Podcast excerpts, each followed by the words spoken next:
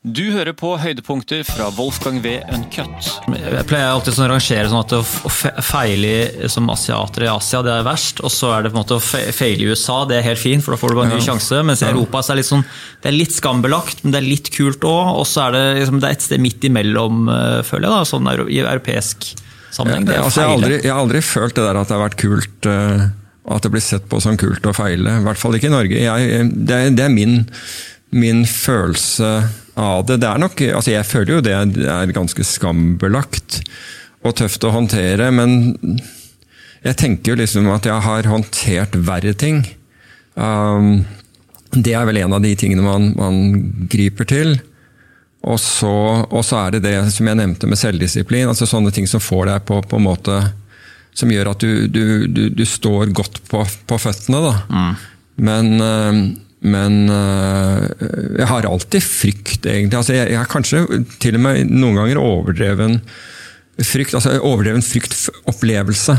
Uh, hvorvidt fryktfølelsen er overdreven eller ikke, det for andre. Men fryktopplevelsen er nok uh, av og til hos meg overdreven. Men tilbake til det du sa, er hvordan, hvordan håndtere det.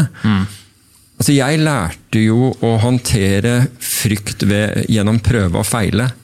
Fordi jeg hadde mye frykt. Jeg, altså blant annet, som jeg nevnte, jeg var redd for høyder. Og det der å hoppe ut av fly, det Altså, jeg visste ikke at jeg var, var øh, led av høydeskrekk. Det gikk, jeg visste ikke det før militæret, og da hadde jeg allerede undertegnet på papirene. Uh, men det var liksom Jeg, jeg forsto ingenting. Altså, at, at jeg hadde denne, denne frykten. Og så prøvde jeg på alle mulige måter å, å, å rett og slett roe meg ned. Og senere så har jeg jo Bl.a. gjennom trening og gjennom øh, å studere psykologi og gjøre sånne ting, lært teknikkene for demping av frykt. Men sånn som når jeg satt i, i fly og, og skulle hoppe, det, var, altså det høyere, det verre var det. Det lavere, da altså når vi skulle hoppe ut veldig lavt, da var alle andre livredde i flyet. For de vet at det er ikke en sjanse å få ut noen reserveskjerm hvis noe går gærent. Mens jeg syntes det var helt fett å se trær og bondegårder passere på utsiden av flydøra. Da følte jeg at jeg, nå er jeg så nær bakken som jeg kan bli. Så det, da, var jeg, da var jeg den som på en måte sto i døren og syntes dette var greit. Mens det høyere opp vi var, da var det helt grusomt. Ja.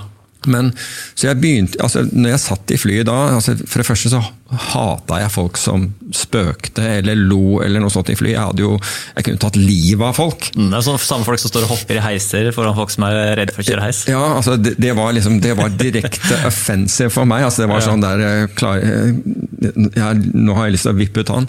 Um, men jeg altså, lærte da, altså prøvde å puste, prøvde å senke skuldrene. altså Fysisk senke skuldrene, kjenne at det kom ned. Jeg tenkte på farger. Så jeg hadde lest mye om det, at du kunne liksom, visse farger ville roe deg ned. Og, og brukte det for alt det var verdt. Men jeg brukte jo også det, jeg fant jo også at det kunne hjelpe når F.eks. hvis jeg frøs. altså Den gangen så var det veldig mye åpne flydører, ikke sånn som nå hvor, hvor flydøren er stengt til du kommer opp i høyden, og så åpner det opp. Slik at det var bikkjekaldt i flyet i tillegg.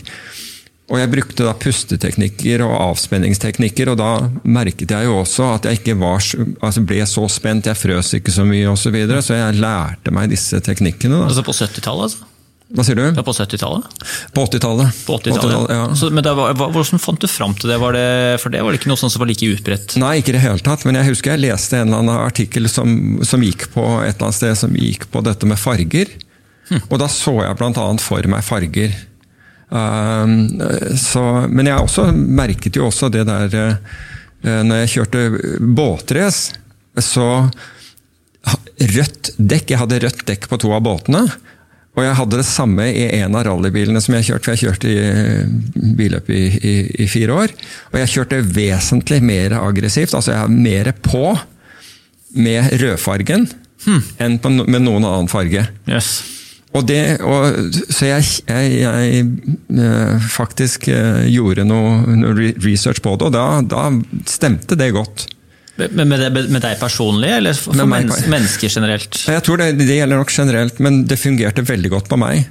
Um, fordi blant annet altså det der å bremse saktere og komme på gassen tidligere og alt dette her, altså det, det hjalp meg rett og slett til å være mer aggressiv. Så må du dempe det da med, med pusting, fordi du merker jo når, altså når, når, det går veldig fort, og du vet at dette går jeg av veien nå, så kommer det til å gjøre vondt, mm. så blir du bevisst på at, du, at skuldrene dine er høye. Og, og, da vil jeg prøve å liksom slippe skuldrene ned og puste, sånn at jeg, fikk, at jeg, ble, mye, at jeg ble, smooth i, i bevegelsene da, mm. på rattet. At du ikke ble at, at, ikke de var brå, ikke sant. Ja. Men at du, at du fikk liksom bilen til å gjøre det du skulle, og at du klarte å stille den opp. og at ikke du satt den altfor mye på tvers, for da mistet du for mye tid osv. Interessant. Så det her med så, men Var det også starten på sånn uh, interesse for uh, Jeg vet ikke om du mediterer eller mindfulness? Nei, mind, mindfulness, nei, det, nei det, det, kom, det, kom, mye senere. og og hva er det han Mæland heter til fornavn? Uh, Stillhetens råskap, Anders Mæland. Jeg hørte et intervju med han Anders Mæland, for han, eh, han, Hva eh, han? Hva sier du? Er han forfatter, eller? Ja, altså, han har skrevet en bok som heter 'Stillhetens råskap', som er om mindfulness. Og han øh, bisto de norske jagerflygerne i Libya, altså de som fløy sortier i, i, i Libya, de fløy vel ut av Siconella i Italia, tror jeg, men med med mindfulness, slik at de skulle kunne fokusere og håndtere den oppgaven de hadde. ikke sant? Fordi det er, det er overstimuli, ikke sant? Altså spesielt hvis når de flyr inn i et område, hvis eh, en eller annen attakkradar begynner å lyse de opp, og mm. alle mulige sirener går av i cockpit, og du har bomber om bord som skal droppes, og det er hele den biten der. Og så var jeg på et, eh, på et foredrag med ham, hvor han gjorde boklanseringen, og det var sånn jeg liksom dukket opp i det og da, det er, det er først da jeg fant ut hvor mye egentlig hodestøy jeg hadde. Det er når du skal sette deg ned helt rolig mm. og, og, og, avslappet og lukke øynene og prøve å tenke på ingenting. Mm. På bare på pustingen din. Mm. Og det går jo nesten ikke et sekund før tankene dine begynner å, å, å, vandre, og så skal du ha det tilbake igjen. Og det var da jeg merket hvor altså, Det var helt ekstremt clutter. Mm. Men med øvelse så merket jeg også at, at det roet seg. Wolfgang V. Ankat.